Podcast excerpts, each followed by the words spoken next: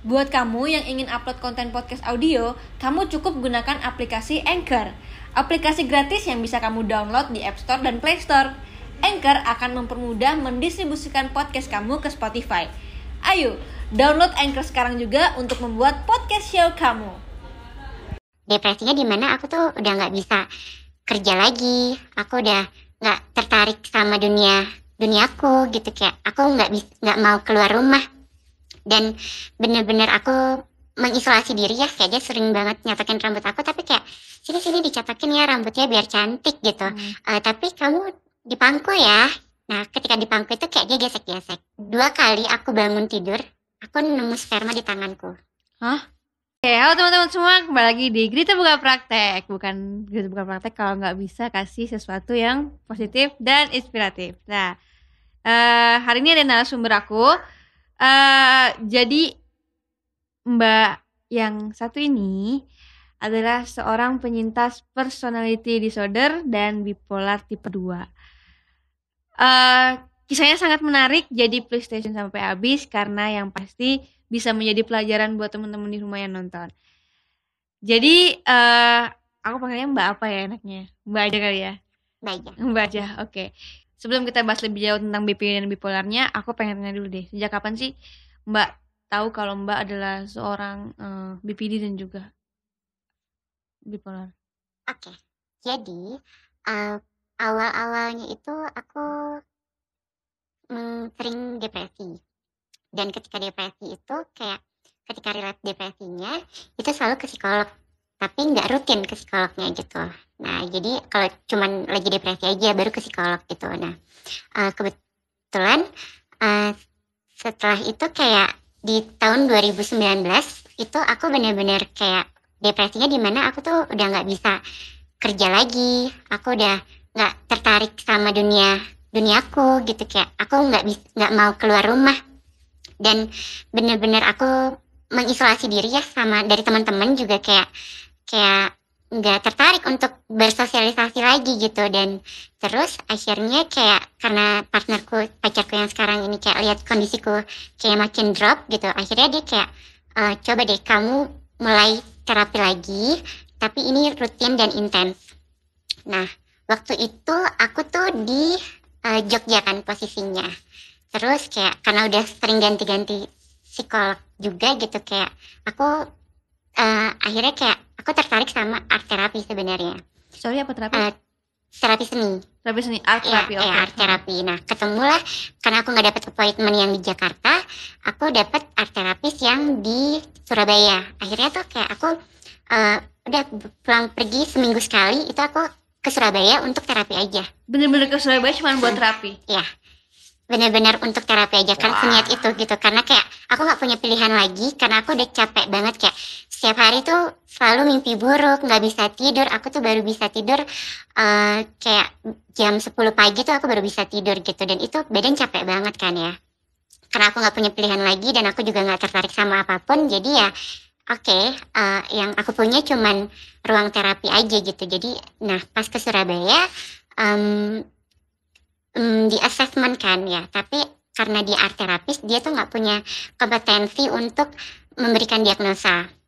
Tapi aku kasih kayak diagnosa-diagnosa sebelumnya sama psikolog-psikolog yang sebelumnya. Sebelumnya tuh kayak di, di diagnosanya cuman depresi sama kecemasannya aja gitu.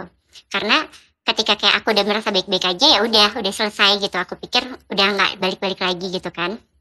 Terus kayak em, karena aku punya reportnya kayak ya udah aku kasih gitu. Tapi setelah kayak rutin eh, terapi tiga bulan gitu kan dia lihat kok kayaknya eh, ada mood aku tuh nggak stabil banget se- selama aku terapi gitu. Dan bisa dia lihat polanya terus dia merujuk aku ke psikiater. Nah ketika di psikiater kayak aku dites segala macam gitu terus kayak di assessment lagi dan di terapi ulang juga. Nah habis itu kayak baru deh dapat eh, diagnosa kata psikiaterku bahwa eh, kondisiku ini eh, ternyata depresi yang kemarin-kemarin itu em, salah satu bagian dari bipolarku. Gitu. Jadi kon- jadi kondisiku tuh sebenarnya aku ada bipolar dan juga ada borderline personality disorder. Oke. dilihat dari kayak eh, apa kayak simptom-simptomnya sih. Iya, iya. karena baru ketahuan ketika setelah terapi kan kayak eh, kelihatan ya apa namanya pola-polanya gimana habit aku gimana gimana apa namanya relasi aku sama orang-orang sekitar dan kalau misalkan ke psikolog kalau baru pertama kan kita nggak nggak mungkin bisa langsung Open. Iya, nggak bisa mungkin langsung kayak langsung semua cerita gitu. Pasti kayak ada defense defense-nya dulu kan. Nah itu ketika udah udah tiga bulan intens tuh baru mulai kelihatan gitu. Dan itu di assessmentnya kayak beberapa, aku nggak tahu alat tesnya apa aja ya. Eh, tapi itu ada ada beberapa gitu. Di tesnya gimana? Eh, kayak ngisi kuesioner, terus kayak ada wawancara juga, terus kayak Alat Ah. enggak. Kalau alatnya pakai alat apa? eh, waktu itu MMPI, Mhm. empat terus yang lain tuh aku nggak tahu juga apa lagi gitu. Hmm. Oke, eh nggak banyak orang yang memberanikan diri untuk ke psikolog gitu. Nah, apa sih yang awalnya, awalnya banget eh, meyakinkan diri kamu kalau oh mungkin gue harus ke psikolog? karena udah nggak fungsional kali ya. Karena udah merasa eh, apa aku butuh bantuan gitu. Kayak em, bahkan ketika mau bangun dari tempat tidur tuh kayak nggak punya energi gitu kan. Terus kayak makan aja aku bisa sambil nangis gitu. Dan aku merasa itu kayak ada yang salah gitu sama diri aku. Dan kayak pikirannya tuh udah pikiran em, apa ya kayak kayak better aku nggak ada deh gitu Oh. Ya, kayaknya kayak mikir kayaknya aku tuh kalau misalkan aku tetap hidup pun kayak aku akan nyusahin banyak orang gitu. Jadi itu yang yang aku bergelut dengan pemikiran-pemikiran itu gitu. Dan eh, nggak punya rasa percaya diri lagi untuk kayak bekerja atau melakukan hal hal-hal yang lain. Dan akhirnya kayak karena nggak kuat juga mimpi buruk terus kan setiap malam kayaknya aku butuh bantuan profesional gitu. Ah, puncaknya apa nih Mbak yang bikin kamu eh, akhirnya mau intensif menjalani terapi? Jadi eh, puncaknya itu ketika aku berrelasi sama pacarku yang sekarang, eh, sama partnerku yang sekarang, eh, awal kayak kita pertama kali melakukan hubungan seksual sama dia, itu kayak dia aware sama tubuhku, kayak tiba-tiba tubuhku tuh nge-freeze gitu. Eh, dan dia kayak nanya langsung ke aku kayak, kamu pernah punya pengalaman pelecehan seksual kah? Dia bilang gitu. Hmm. Terus kayak, eh, karena tubuh kamu tuh nolak untuk melakukan ini dan kita boleh loh untuk dan kamu berhak banget untuk menolak kalau kamu emang nggak mau gitu jadi ada eh, ada Satu momen.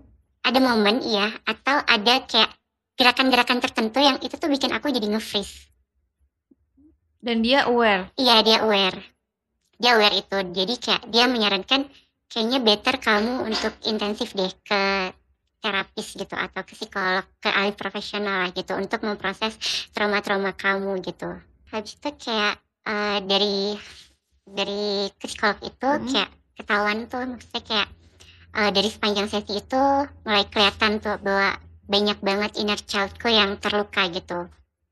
Dan itu mungkin selain karena trauma pelecehan seksual juga itu em, karena pola asuh dari keluarga em, terus kayak apa jadi hubungan keluargaku yang tidak harmonis gitu mereka tidak bercerai tapi kondisi rumah tuh broken sebenarnya Oke, jadi ya sebenarnya eh, bukan berarti yang tidak ber, tidak bukan bro- eh, tidak broken home ya. ya karena kayak eh, hampir kayak setiap hari tuh akan ada berantem. Dan waktu itu waktu aku kecil tuh posisinya sering kali aku tuh sering jadi tempat curhat ayah sama ibuku. Jadi kamu tengah-tengah ya. ya di tengah-tengah dan eh, jadi penyambung gitu ya. Kalau misalkan mereka bertengkar ayah nggak mau ngomong nih ngomongnya ke aku tapi aku harus nyampein ke ibuku. Aduh. gitu. Nah terus kayak ibuku pun sebaliknya gitu. Dan aku diharuskan untuk eh, kayak mendamaikan mereka. Dan itu terjadi Berulang-ulang. berulang-ulang bertahun-tahun. Ya kayak gitu. Sampai sampai ada juga karena mungkin udah udah capek banget kali ya. Em, karena mamaku juga mungkin nggak punya tempat cerita. Eh, jadi dia percaya ceritanya sama aku. Ada di satu momen kayak aku udah udah capek banget. Kayak setiap aku pulang kuliah pun kadang langsung dicurhatin gitu. Kuliah berarti barusan ya. Eh, Masih sampai kuliah pun. ya sampai kuliah. Sampai kan aku eh, pisah dari keluarga itu setelah aku selesai kuliah. Mhm. baru mm, nggak tinggal bareng sama keluarga Berarti dari umur berapa kamu menjadi tempat curhat mereka? dari kecil ya. Kalau dari mamaku kalau sama mamaku mungkin dari SD ya. Aku udah udah di, di tempat curhat mereka. Bahkan eh, urusan ranjang mereka pun mereka curhat ke aku. Ayahku sih. Kayak ibu kamu tuh nggak mau ngestek sama ayah gitu. Itu kayak aku yang oh wow. Padahal masih kecil. Kamu ya ya mungkin itu aku remaja ya. Heeh. itu kayak oh mm, mm, ya gitu. Mereka tuh berantem kasar ya ngomong ngomongnya juga gitu. Pernah ada satu satu momen di mana mereka lagi berantem hebat banget. Aku sama adikku tuh ketakutan kita ngumpet di kamar kita ngumpet di kamar dan em, apa namanya aku lindungin adikku kan kayak kita ngumpet gitu. Karena kita takut banget karena mereka udah udah wah macam-macam gitu kan. Terus kayak ibuku tiba-tiba masuk terus kayak "Eh, aku nyesel karena kamu nggak bisa jadi jadi penengah buat orang tua kamu gitu. Ini kayak nyalahin kamu ya. iya. Dan itu ben- itu semenjak kejadian itu tuh itu bikin bikin apa ya kayak aku tuh punya kepercayaan diri yang rendah banget sih kayak oh iya ya aku tuh kayaknya nggak bisa ngapa-ngapain ya. Karena itu tuh terngiang-ngiang Jadi- banget. Setiap kali aku gagal melakukan sesuatu tuh kayak selalu selalu ingatan itu tuh omongan mamaku tuh kayak terngiang banget ya aku kayak aku nyesel banget karena kamu nggak pernah bisa nyelesain masalah keluarga gitu. Terus kayak hah? Aku aja nggak pernah berkeluarga gitu. Jadi terdoktrin itu ya. ya. Oke. dan terus juga kayak em, ayahku waktu aku kecil cukup ringan tangan ya. Sama kamu? Ya sama aku eh, sama adikku juga. Tapi ketika kita dewasa udah mulai agak agak berkurang gitu. Tapi kayak misalkan dulu tuh aku kalau kecil kalau misalkan nangis mungkin mereka nggak tahan ya sama tangisan anak kecil gitu. Dan mereka ya udah akan kena cubit kena pukul bahkan eh, ada momen di mana aku tuh ya udah biar biar diem dikurung di kamar mandi gitu karena kamu nangis. Iya, karena kamu nangis. Kamu mau nangis lagi.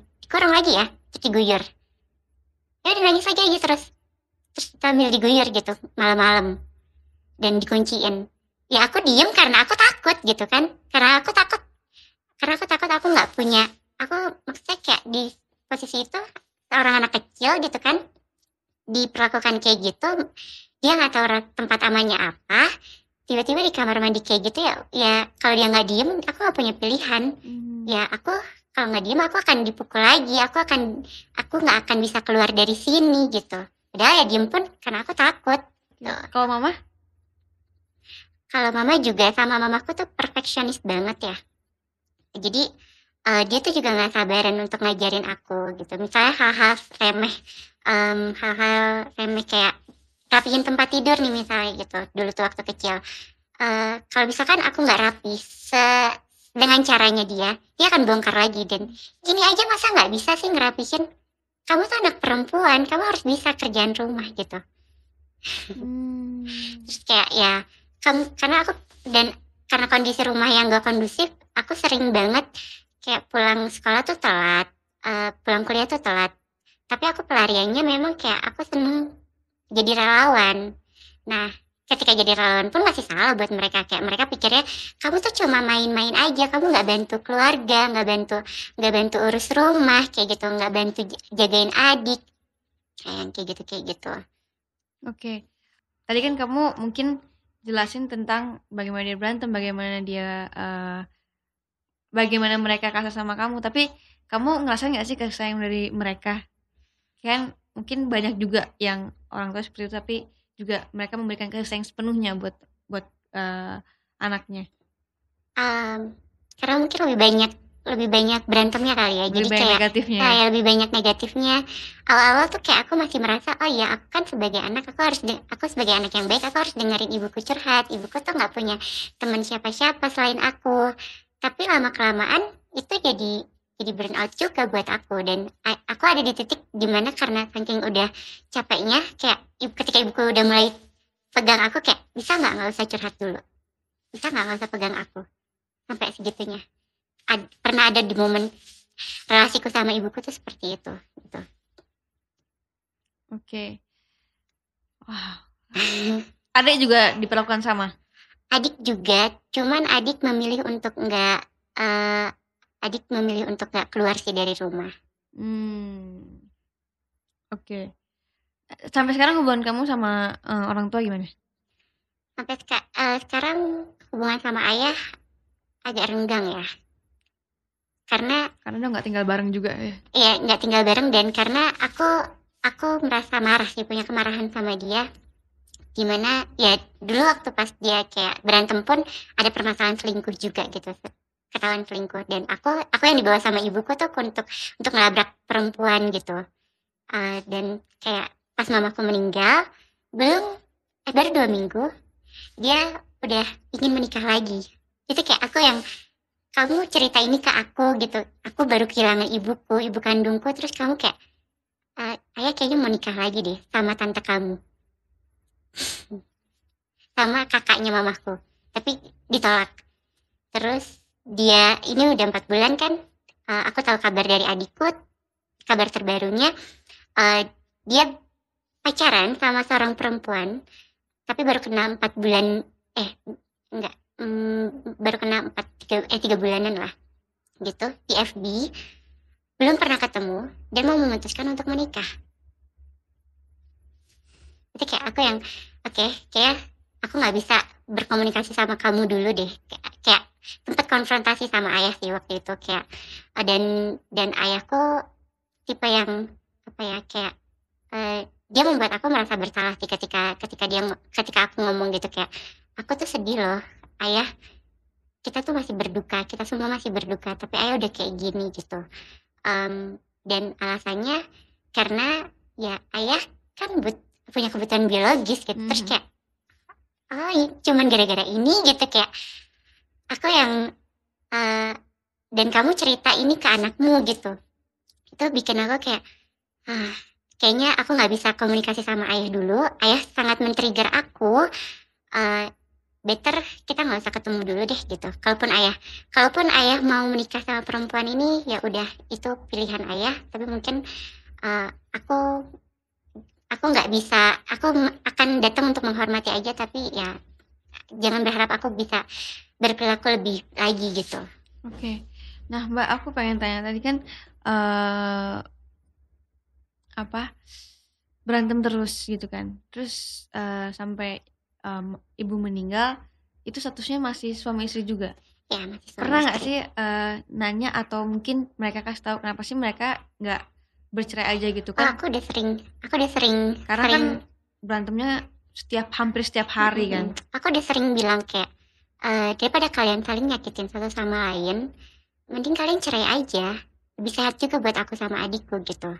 Nah, kalian pisah masing-masing dan kalian kejar kebahagiaan kalian masing-masing aja Hmm. gitu. Nggak mau. Alasannya Alasannya dua-duanya nggak mau. Sama dua-duanya nggak mau. Alasannya ya karena stigma mungkin ya. Hmm. Pertama karena stigma kayak eh, anak-anak kan udah gede gitu. Terus kayak malu kalau misalkan harus cerai. Eh, apa takut kayak misalnya nanti itu eh, kalau misalkan orang tua cerai eh, anaknya tuh diomongin gitu. Padahal ya kayak ya kamu nggak cerai aku mentalnya nggak sehat gitu. Iya, iya, iya. Tapi ya sih memang stigma orang tua memang seperti itu sih. ya dan orang tua aku cukup konservatif juga sih gitu. Hmm. jadi jadi ya masih masih memikirkan hal-hal yang omongan-omongan tetangga kayak gitu. Kalau cerai gimana? Kalau cerai pasti kesannya buruk gitu. Ya gitu-gitu jadi ya mereka memilih untuk ya nggak apa-apa toxic yang penting nggak cerai Cuman gara-gara itu doang. Nggak ada nggak ada alasan lain.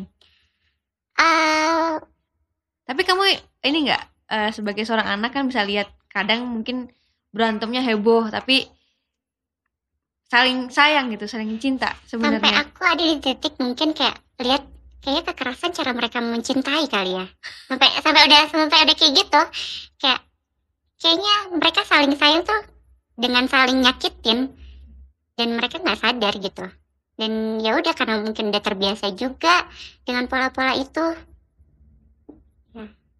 Oke, jadi kalau aku sums up, kamu ini dewasa sebelum waktunya. jadi menjadi eh, curhatan dari orang tua yang eh toksik ya bisa dibilang ya. Ya. Berantem terus juga kan. Oke, selain kondisi kedua orang tua kamu yang tadi kamu ceritain, tadi kamu bilang juga ada eh, pelecehan seksual. Hmm. Itu di rumah juga? Iya. Jadi, eee, pelakunya sepupuku sendiri. Eee, sepupuku tinggal sama keluarga kami waktu itu. Dia dia jauh lebih tua dari aku dan dia sudah bekerja, dia sudah lulus kuliah dan sudah bekerja cukup mapan gitu. Eee dia figur yang karena karena orang tua sering bertengkar kan dan aku tuh aku aku tuh orang yang eee, aku bisa berteman sama banyak orang gitu dan orang-orang tuh nyaman cerita sama aku tapi aku tuh nggak punya tempat curhat gitu. Nah, Oke. jadi karena dia sosok yang lebih dewasa, eee, aku sering banget curhat sama dia dan akhirnya jadi deket sama dia. Mhm. Dari aku Berapa jauh bedanya? berapa? Mungkin sekitar 10? 20 tahun 20 mungkin ya. tahun? Mhm, Jauh itu. Oke. iya Bedanya 20 tahun? iya. Oh, jauh. Karena itu anak, mmm, itu keponakannya Papa yang mamaku, eee, yang anak kakaknya nomor nomor 2 gitu, jauh mamaku umurnya. anak nomor 8 jadi memang agak Mhm. jauh kan. Oke. Terus? Mmm Kenapa dia tinggal di sana? Karena ya merantau satu-satunya keluarga, eee, satu-satunya keluarga ya sama keluargaku gitu, tinggalnya. Ya karena karena aku dekat sama sama dia, jadi awalnya tuh aku kayak nggak nggak sadar ya bahwa itu tuh pelecehan gitu.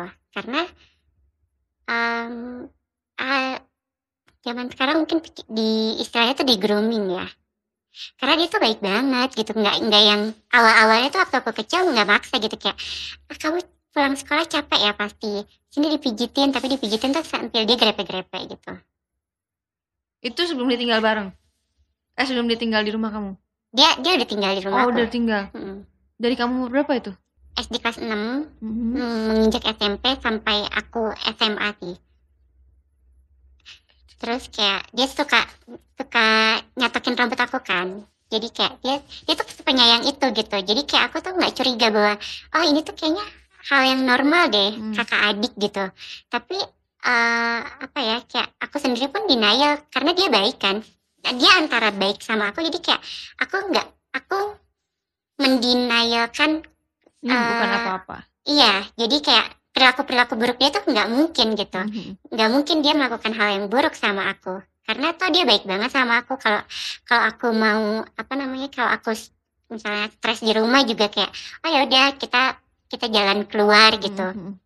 Mmm, apa namanya, kayak yang balik lagi tadi tuh kayak dia sering banget nyatokin rambut aku tapi kayak, "Sini sini dicatokin ya rambutnya biar cantik," gitu. Mmm. Eee, "Tapi kamu dipangku ya." Nah, ketika dipangku itu kayak dia gesek-gesek penisnya gitu. Dan ya ketika kondisi itu aku nge-freeze. Nge-freeze juga. Mhm. Itu pertama kali kamu ngalamin? Eee, iya.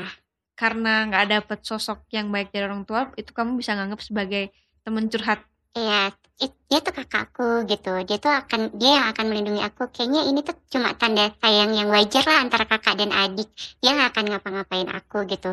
Kalau dan mungkin aku juga punya ketakutan kehilangan dia ya, kalau misalkan aku konfrontasi sama dia atau aku jadi berantem sama dia, nanti aku ceritanya sama siapa lagi. Mmm. Nanti aku nggak punya nggak punya tempat curhat lagi. Nanti aku nggak punya kalau misalnya aku stres, siapa yang ngajak aku jalan-jalan lagi, yang kayak gitu kayak gitu. Jadi karena cuman dia satu-satunya tempat bersandar kamu ya Iya, saat itu. mhm mhm. Jadi kamu ngerasa bahwa apa yang dilakuin ya ya udahlah gitu? Iya, kayak suka suka bertanya-tanya gitu waktu dia waktu aku kecil tuh kayak dan, eee, pertanyaan-pertanyaanku tuh selalu dijawab gitu sama dia dengan dengan yang dia terlihat pintar buat aku gitu. Jadi jadi itu tuh kayak kayak kayak nggak mungkin dia melakukan itu sama aku. Jadi aku men-denial itu lama dan aku me-repress terus, eee, me-repress terus itu dan kita satu kamar, mmm tid tapi tidurnya nggak nggak satu ranjang Mhm. bareng.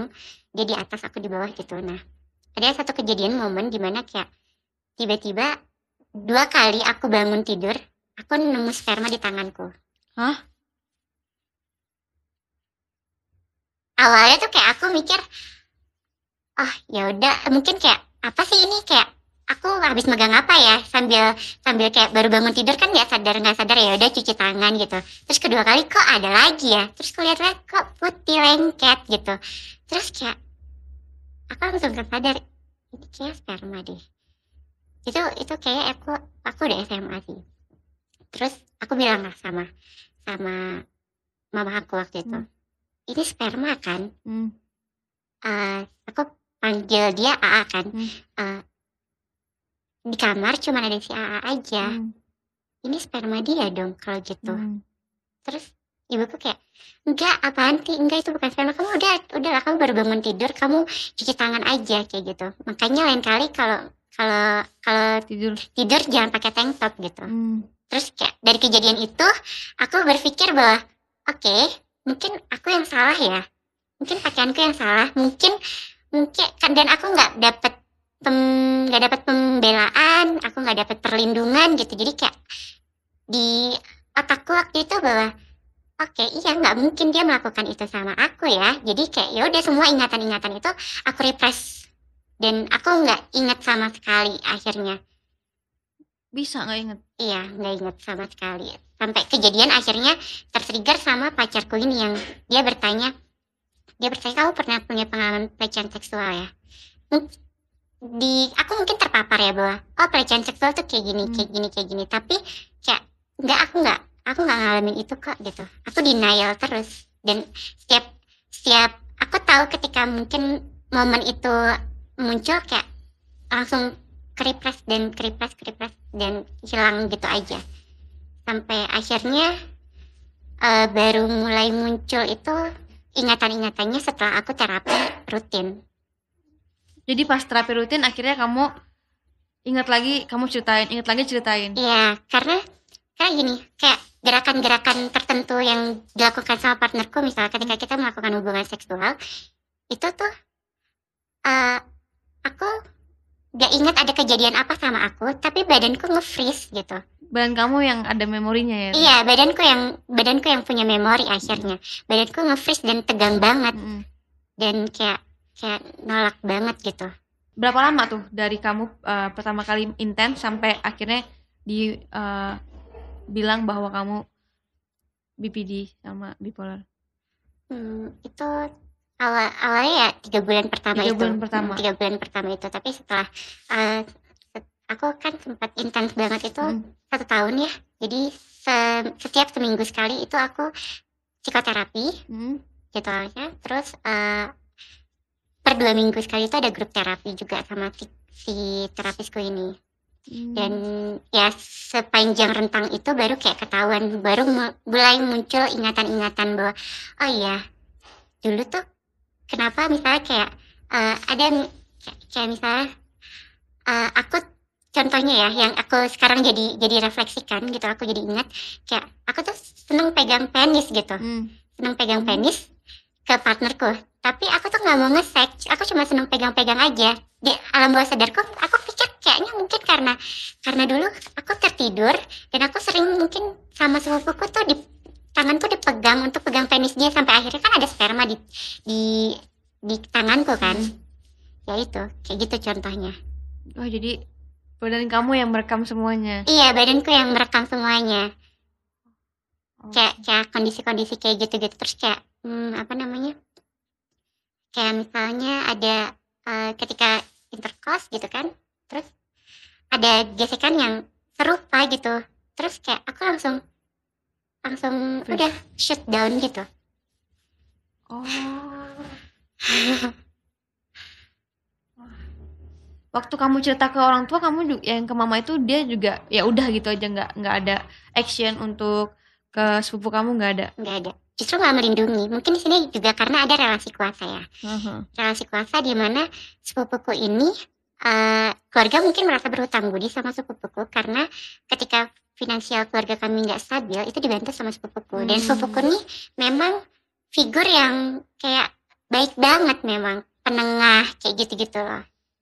Jadi jadi ya mungkin keluarga juga di satu sisi eh, mereka juga nggak terima dan mungkin ada mereka nggak terima tapi mereka nggak tahu caranya ngomong ke aku tuh kayak gimana Mhm. eh dan mereka malu tapi jadinya proyeksi ke aku gitu kayak ya ya ini kan sama-sama keluarga gitu kalaupun di di kalaupun nanti akan diperkarakan ya gimana dong kan keluarga. nanti malu gitu biasanya kan gitu Ya, nanti ya. malu apa kata orang. Oke. Wow, sudah melewati banyak ini ya, naik turun. Nah, kalau depresi itu dari kapan? Depresinya tuh dari mm, mungkin udah dari remaja ya. Hmm. Tapi baru diagno baru ada diagnosa tuh ketika aku kuliah karena karena udah udah mulai ke psikolog kan. Kalau Hmm. dulu waktu waktu masih tinggal sama orang eh waktu masih sekolah Hmm. karena kayak nggak punya uang untuk ke psikolog gitu. Uang jajan juga terbatas kan. Em, dan ya udah kayak cuman psikosomatis aja gitu kayak aku bisa sesek atau gatal-gatal yang terus-terusan nggak hilang-hilang gitu. Tapi ketika dicek semuanya tuh baik-baik aja sehat-sehat aja tapi selalu psikosomatis kayak gitu. Nah ya udah puncaknya ketika aku udah punya uang jajan lebih ketika kuliah kan aku sambil kerja juga. Ketika sambil kerja punya uang lebih akhirnya aku jadinya ke psikolog juga gitu Oke guys, seperti yang udah sering aku sampaikan bahwa sekarang aku eh, bekerja sama dengan Female Action. Nah, ini salah satu platform yang bisa kalian gunakan khususnya para perempuan untuk eh, kalau misalkan kalian mau cerita mau apa tapi eh, eh, takut gitu. Ini aplikasi kami bisa untuk konsultasi dengan psikolog yang terbaik. Jadi kalian bisa cerita apa pun di situ. eh, identitas kalian aman, jadi silakan download aja uh, Female in Action di uh, Play Store dan juga App Store. Nah, sesuai dengan yang narasumber aku hari ini datang juga dan aku sudah mendatangkan juga uh, salah satu uh, psikolog dari Female in Action, Mbak Nadia. Kok saya dikecil? Halo kak. Halo, thank you for coming.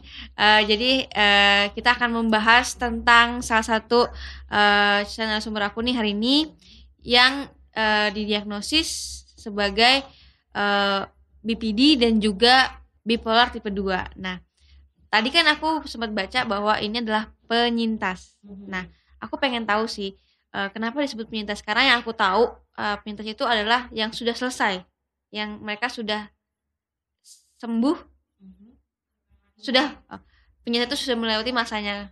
Kenapa disebut eh, penyintas BPD dan eh, bipolar tipe 2? Oke, kalau kita mau ngomong kenapa dikasih tahu apa kenapa eh, kita bilangnya penyintas bukan bukan penderita atau eh, pengidap gitu Hmm. ya. Karena memang pertama adalah penyintas itu lebih ke bagaimana dia bertahan untuk hidup. Oke. Makanya kita bilangnya penyintas. Hmm. Kalau penderita kan beda, dia menderita. Hmm. Gitu. Kalau di sini penyintas dan di sini mbaknya eh, tadi dia sudah eh, melakukan terapi apa segala macam prosesnya panjang nih sampai dia bisa seperti ini. Mm-mm. Makanya kita bilangnya dia sebagai penyintas. Walaupun belum 100%. Ya, karena dia kan ada untuk bertahan hidup. Oh. Oke, oke, oke. Oke, nah eh, aku pengen tanya sih Mbak ini menarik di, cerita narasumber aku kali ini bahwa eh dia ini sendiri nggak sadar Mhm. sampai akhirnya dia memberanikan diri untuk ke psikolog dan akhirnya ke psikolog eh, dan butuh beberapa lama ya untuk Eh. akhirnya tahu rentang waktu satu tahun ya dan itu rutin setiap minggu sekali Eh. psikoterapinya rentang satu tahun. Iya. Dan sebenarnya sebenarnya tuh nggak tahu awalnya akarnya tuh apa kok bisa ya gue kayak gini dan akhirnya dengan ke psikolog akhirnya dia menemukan dan sebabnya itu adalah inner child yang keluarganya kurang harmonis dan juga eh, pelecehan seksual ternyata yang dia sendiri nggak sadar gitu. Oke. Eh, jadi sebenarnya gini, kalau ditanya rentang waktunya berapa lama untuk mengetahui itu gitu ya, setiap orang itu berbeda-beda. Mm-mm. Jadi ketika dia eh, kayak di sini kan pertama kali terjadinya adalah dari pelecehan seksual itu. Mm-mm. Pelecehan seksual itu kan akan eh, menjadi sebuah trauma ketika itu tidak di eh, diatasi, ya kan. Nah kalau ditanya dari kejadian sampai adanya trauma itu berapa lama? Setiap orang itu berbeda. Kita nggak bisa bilang, oh kalau abis eh, abis ini dia trauma. Kita belum tentu bisa bilang kayak gitu. Itu ada waktunya. Gitu. Kita harus lihat dulu. Nah sampai akhirnya dia menyadari itu. Eh, tadi juga eh, tadi sempat aku dengar ya Mbak. Eh, Mbak sudah beberapa kali ke terapis, ya kan? Baru akhirnya menemukan nih yang pas, ya kan? Iya. Sampai akhirnya selama setahun itu eh, nggak berhenti ya untuk eh, melakukan terapi apa segala macam sampai sekarang masih juga. Nah awalnya gini kalau yang aku tangkap adalah awalnya gini dia menyadari bahwa memang sebenarnya ada nih masalah sama dirinya Mm-mm. tapi dia meredam itu dia Iya. masih denial akan itu jadi dia menyangkal akan hal itu terjadi sama dirinya dia dia tahu tapi dia menyangkal aku tahu tapi yaudah aku nggak mau inget ini Mhm. Itu tapi sebenarnya boleh nggak sih kayak gitu? Karena kan sebenarnya ada juga yang orang yang ya udahlah gitu. Hmm. Kalau ditanya boleh atau enggak sih gitu. Kalau dia punya trauma, ya Hmm. kan. Kalau itu semakin di, di apa ya? Ibaratnya kita bilang diredam gitu Hmm. ya. Itu akan berpengaruh. Jadi sebaiknya kalau memang udah ada ya kita kita menyadari kita obati. Hmm. Jadi gitu. Kalau misalkan enggak apa? Numpuk ya. gitu. Numpuk dan berdampak lagi nanti. Semakin besar, semakin besar, semakin besar. Kayak gitu. Itu yang bahaya. Kalau orang eh, misalkan dia punya trauma berkepanjangan yang pada akhirnya nggak diobatin, ya kan, tidak ditangani, gitu, itu akan lebih ke eh, jauh lebih ke yang lainnya lagi, gitu. Jadi bisa eh, ada gangguan lain lagi yang terjadi. Hmm. Oke, nah ini terjadi sama mbaknya. Hmm. Oke. Nah, eh kalau kita bicara soal tadi pelecehan seksual yang Hmm. mbaknya alami juga dan mungkin banyak orang-orang yang alamin juga dan Hmm. dia nggak tahu nih Hmm. sebenarnya pelecehan seksual atau udah kayak ini kayak salah deh gitu. Hmm. Apa sih yang harus dilakuin sebenarnya? Misal eh, dia sudah sadar, dia sudah tahu gitu kan. Apa sih yang harus dilakukan? Yang pertama adalah eh coba untuk cerita, ngomong sama orang eh, terdekatnya, entah orang tua apa segala macam. Tapi kalau misalkan responnya kurang baik gimana? Kita cari orang lagi yang bisa mungkin bisa eh, ngertiin kita nih, tahu apa yang harus kita lakukan. Karena biasanya korban yang mengalami hal itu dia bingung Hmm. gitu. Karena misalkan gini, dia udah ngomong nih, terus ditolak, bingung kan? Kayaknya jadinya gue yang salah. Secara nggak langsung jadi kayak gitu. Iya. Benar nggak? Iya. Ya kan?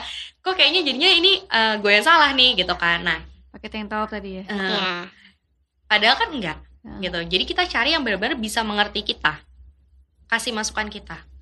Gitu. Lalu apa? Eh, kemudian kita juga eh, jangan menyalahkan diri kita. Gitu. Kalau memang sudah sangat-sangat mengganggu eh, di kehidupan kita gitu ya, udah mengganggu aktivitas sehari-hari, ke profesional, datang ke profesional. Ya itu yang paling terakhir lah ya. Hmm. Tapi ya sekarang juga orang-orang tuh kayak pada masa harus sih ke psikolog, masa sih harus ke psikolog gitu kan. Sebenarnya itu sangat membantu ya dan banyak juga narasumber-narasumber aku yang akhirnya mereka sadar bahwa psikolog itu sangat membantu. Hmm. Semembantu apa sih Mbak? Sesuai dengan pengalaman. Eh, aku merasa terbantu banget ya karena dari yang tadinya eh, otomatis ketika aku punya trauma aku punya habit-habit baru yang ada kemungkinan itu justru mengulang trauma-trauma aku lagi Hmm. tanpa aku sadari dan eh, aku nggak punya batasan biasanya kayak aku sulit untuk nolak kayak semuanya iya aku ya Contohnya? aja kayak misal misalnya kayak aku sebenarnya nggak mau kehilangan temanku Hmm. tapi aku tahu caranya mendapatkan kasih sayang temanku itu dengan nge-sex sama dia ya udah aku akan nge-sex sama dia nah itu habit yang buruknya Hmm. Gitu. yang itu sebenarnya kan balik ke trauma-trauma aku Ya, lagi ya. dan itu terus berulang gitu. Dan itu nggak bagus buat aku. Nah terus kayak yang tadi yang aku bilang di 2019 aku benar-benar lumpuh aku benar-benar nggak mau keluar sama sekali benar-benar aku ngerasa ngerasa bahwa aku nih beban gitu. Aku better eh, nggak ada aja di dunia ini. Eh, aku nggak percaya diri untuk kerja dan ngapa-ngapain. Sampai aku sekarang bisa kerja lagi aku sekarang punya minat baru lagi aku sekarang punya support system baru aku ternyata punya punya relasi yang sekarang jauh lebih sehat dibanding yang sebelum-sebelumnya Nah, Kayak gitu. itu adalah hasil dari ke psikolog ya. Makanya jangan takut guys untuk ke psikolog.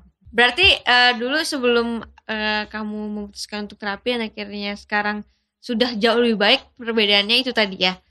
Eh, dulu bad, habit- bad habit seperti itu. Hmm. Tapi aku jadi penasaran nih, bisa ya Mbak Nadia?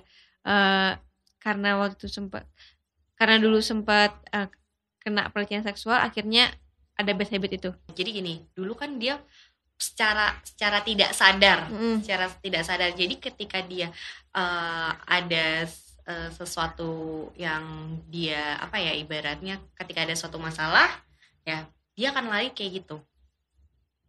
Jadi dia akan apa sih namanya? Mencari Eh, pelarian. ya mencari pelariannya ke arah sana gitu. Hmm.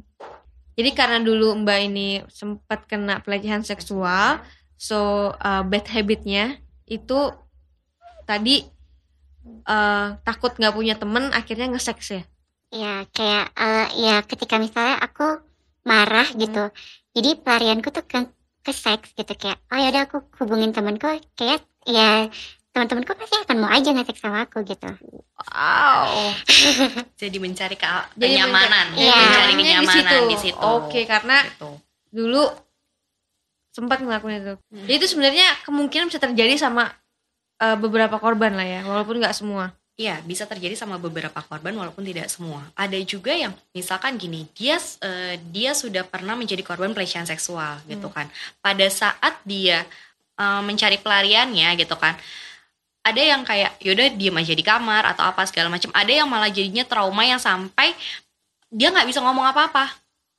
Bener-bener nggak bisa ngomong apa-apa. Ada salah satu yang kayak gitu Hmm. karena pernah aku tanganin jadi karena dia ada trauma akhirnya dia nggak dia ditanya aja udah diem aja udah bener-bener udah kayak patung Ya, itu reaksi orang beda-beda lah ya. iya karena udah yang melakukan itu adalah keluarga terdekat sendiri gitu kan dianya juga kaget apa segala macam udah jadi pas udah ditanya sekarang kamu apa segala macam udah dia diem aja Oke.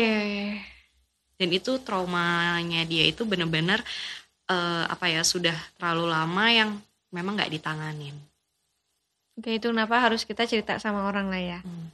Oke, tadi kalau kita ngobrol ada aku sempat eh, dengar bahwa tadi Mbak juga eh, ketika ngomong sama orang sama keluarga Hmm. itu dia ditolak maksudnya mungkin lo yang salah gitu kan. Hmm. Ya kan?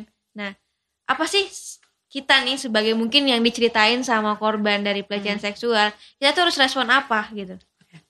Kalau tanya kita responnya apa sih? Hmm. Kita dukung dia. Gitu. Oke. Buat ngomong, "Oke, kamu eh, kita dengerin. Kita dengerin terus kita kamu butuhnya apa Hmm. sekarang?" Kita dukung dia. Misalkan eh, aku mau ngelaporin ini. Oke, kita bantu. Oke. Karena terkadang gini, eh, yang terjadi di masyarakat adalah stigma kan. Ya. Munculnya stigma gitu. Jadi ketika orang itu cerita, yang disalahkan adalah korbannya. Iya. Lo Betul. sih gitu kan. Begini gini gini. Padahal kan belum tentu salah ya, Mbak. Gitu. Ya. Nah, itu. Jadi eh, stigma itu kan muncul karena eh, informasinya itu nggak jelas nih, simpang siur. Gitu. Jadinya eh, apa namanya di lingkungan jadi kalau oh kalau orang kalau dia eh, korban begini ya karena dia mendasari dia nggak benar, padahal nggak gitu. Enggak gitu. Banyak kok sekarang korban pelecehan seksual, maaf ya, Hmm. yang korbannya yang pakai kerudung, yang bajunya eh, ketutup semua. Jadi nggak semuanya korban pelecehan seksual itu adalah orang-orang yang kayak cuman pakai rok pendek, Hmm. pakai terus yang celananya pendek apa segala. Enggak. Ya. Banyak itu dari saya juga lebih banyak malah yang Hmm. pakai kerudung. Iya. Di apa di transportasi umum pun Iya, juga oh, banyak banyak kan terjadi. Ya, ya, ya. Jadi kita dukung dia bahwa kita bantu apa sih yang mau eh, apa sih yang kamu butuhin. Gitu. Jadi benar-benar kita kita bantuin dia sampai benar-benar eh, apa namanya? Ini masalah dia bisa selesai. Oke. Dia mendapatkan haknya dia. Oke, jadi eh, memang eh, posisinya kan Mbak ini kan tadi tinggalnya sendiri. Mm-mm. terus juga eh, kebetulan eh, salah satu orang tuanya sudah meninggal. Eh, hubungan dengan ayahnya kurang baik. Jadi memang eh, tetap mesti harus didampingi gitu.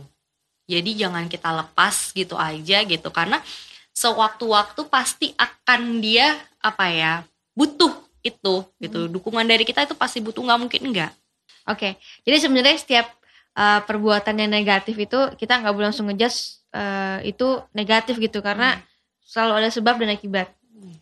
Jadi selalu ada alasan sebenarnya ya. Mm-mm, ada alasannya ya kayak kita aja lah pasti ngelakuin sesuatu pasti ada alasannya dong Mm-mm. gitu kita berbeda pendapat satu sama orang satu sama yang lain juga pasti ada alasannya Oke, nah dari Mbak sendiri aku pengen tanya nih, uh, sampai sekarang masih treatment berarti ya? Eh, sampai sekarang masih treatment cuman udah maintenance ya. Jadi kayak cuma sebulan sekali aku psikoterapi dan obat masih terus jalan. Memang eh, psikiater sendiri bilang eh, kemungkinan akan mengkonsumsi ini dalam jangka waktu yang lama. Dan ada masa-masa di mana aku holiday obat tapi nggak bisa putus benar-benar nggak konsumsi obat gitu Oke. jadi memang udah dikasih edukasi kayak gitu kalau holiday obat tuh kayak benar-benar kondisi di mana kayak aku nggak ada trigger apa pun aku udah bisa mengelola mengelola apa Emosi. stresku emosiku dan eh, aku benar-benar dikelilingin yang hal-hal yang itu mensupport aku gitu tapi mungkin kayak ada hal-hal tak terduga kayak misalnya kematian ditinggalkan orang tua kayak gitu kan itu jadi men-trigger lagi karena itu kemungkinan akan butuh treatment lagi gitu Oke. Kayak gitu Berarti aku pengen tanya juga sama Mbak Nadia itu sebenarnya kalau uh, dalam kasusnya uh, Mbak ini tuh ada tahap-tahapan apa sih di dalam uh, uh, psikolog? Oke, kalau ditanya ada tahap-tahapan apa? Eh, sebenarnya tahapannya tuh banyak ya. Gitu. Jadi untuk sampai dia memulai sendiri eh, si terapi ini dari awal dia datang, ada asesmennya, apa segala macam sampai akhirnya ada eh, program yang harus dijalankan terapi sampai saat ini. Nah, kayak tadi eh, dia kan eh, mbaknya masih mengkonsumsi obat ya mbak ya Hmm. sampai sekarang. Nah, eh, biasanya memang eh, yaitu kita bilangnya eh, apa sih penyintas eh, seperti mbak ini adalah orang yang mengkonsumsi obatnya seperti orang diabetes. Jadi bisa sampai seumur hidup juga ya? Em, Kalau Bisa karena dibilang- kalau diabetes kan terus seumur hidup juga. Iya. nah itu terkadang menjadi eh, suatu masalah lagi juga sebenarnya sama orang tua. Kalau misalkan disuruh anaknya datang ke psikolog atau psikiater, Hmm. gitu kan? Lah nanti eh, apa namanya anak gue minum obat terus nih, jadinya ketergantungan nih, jadinya Hmm. eh, ini lagi nih gini-gini. Nah itu sebenarnya kan eh, obat ini kan eh, diberikan untuk apa ya eh, meredam itu. Hmm. gitu kan. Untuk menstabilkan eh apa sih eh, emosinya si mbaknya. Gitu. Jadi butuh. Kalau misalkan enggak gimana? Gitu. mungkin mbak ya bisa cerita. Em, ya karena kondisi bipolar ini juga kan selain mungkin karena ada trauma-trauma juga selain karena psikologis karena kondisi biologis juga ya. Memang penjelasan dari dokterku kayak neu- neurotransmitter kita Mm-mm. em, di, di otak kita itu tidak seimbang gitu. Makanya untuk orang-orang normal itu seimbang mereka moodnya bisa stabil. Sedangkan untuk eh, para penderita bipolar itu perlu pakai obat untuk Menyeimbangkan, menstabilkan itu gitu. Oke. kondisi. secara biologis memang ada kebutuhan oke. itu. Makanya dibantu oleh obat Oke, oke paham paham. Oke, nah terakhir deh, eh, mungkin dari Mbak Nadia ya kan, eh, tadi juga ada pelecehan seksual juga. Nah banyak juga orang-orang di luar sana yang ada pelecehan seksual juga. Nah ini juga penting karena banyak banget narasumber aku yang datang yang mereka nggak tahu tuh pelecehan seksual dari misalkan SD eh, mereka nggak ngerti kalau ini pelecehan seksual pas udah gede baru tahu oh ternyata ini pelecehan seksual berarti kan dari kecil kurang diajarkan tentang sex education baiknya gimana dan apa sih yang yang bisa kita pelajarin dari dini gitu Oke. Kalau ditanya apa sih yang bisa kita pelajari dari dini, pertama adalah memang butuh banget sex education itu dari dini gitu. Eh dari usia dua setengah tiga tahun itu tuh udah bisa banget kita kasih tahu gitu kan mana sih anggota tubuhnya eh, yang boleh dipegang mana yang enggak gitu yang boleh menyentuh anggota tubuh kamu tuh siapa Hmm. Gitu. Kalau orang lain bolehnya menyentuhnya bagian apa aja. Kita kenalkan juga eh, apa namanya kalau perempuan memiliki apa, kalau laki-laki memiliki apa, Hmm. kayak gitu. Jadi itu juga harus kita ajarkan. Jadi ketika dia sudah masuk sekolah apa segala macam, ketika ada yang kayak eh kamu sini yuk, gini yuk, gitu, dia akan ngomong bisa ngomong mah tadi ada yang ada yang kayak aku." gini ini ini kayak gitu. Nah, bedanya orang tua sekarang sama dulu gitu kan. Kalau orang tua dulu kan sex education itu adalah sesuatu yang tabu, gitu. Kalau sekarang sudah mulai nih gitu. Caranya menyampaikannya gimana dari hal yang kecil yang tadi kalau usia anak-anak kasih tahu dulu area mana yang boleh disentuh, mana yang nggak boleh Hmm. kayak gitu. Nanti sudah mulai masuk eh, remaja kita kasih tahu. Eh, nanti ini kalau kamu udah masuk remaja, eh, kalau perempuan akan adanya menstruasi gitu kan. Kalau laki-laki eh, biasanya eh, ditandainya dengan eh, apa mimpi basah kayak gitu. Oke, anyway, eh, thank you banget ya eh, Mbak udah mampir dan juga sudah bercerita. Eh, semoga bisa jadi pelajaran juga buat teman-teman di rumah yang nonton dan thank you Mbak Nadia sudah melengkapi kita dengan eh, pelajaran-pelajaran psikologinya, kisah hidup yang luar biasa dari Mbak ini semoga ke dan satu decision yang bagus akhirnya eh, pergi ke profesional karena itu satu decision yang masih berat ya buat orang-orang kayak Hmm. apain sih? gitu kan. Ya cuman eh, semoga dengan ada mbak di sini bisa juga eh, memberi edukasi juga buat teman-teman. Nggak usah takut untuk pergi ke profesional dan nggak usah takut untuk cerita speak up karena eh, jangan takut pasti banyak juga yang akan bantu kalian gitu.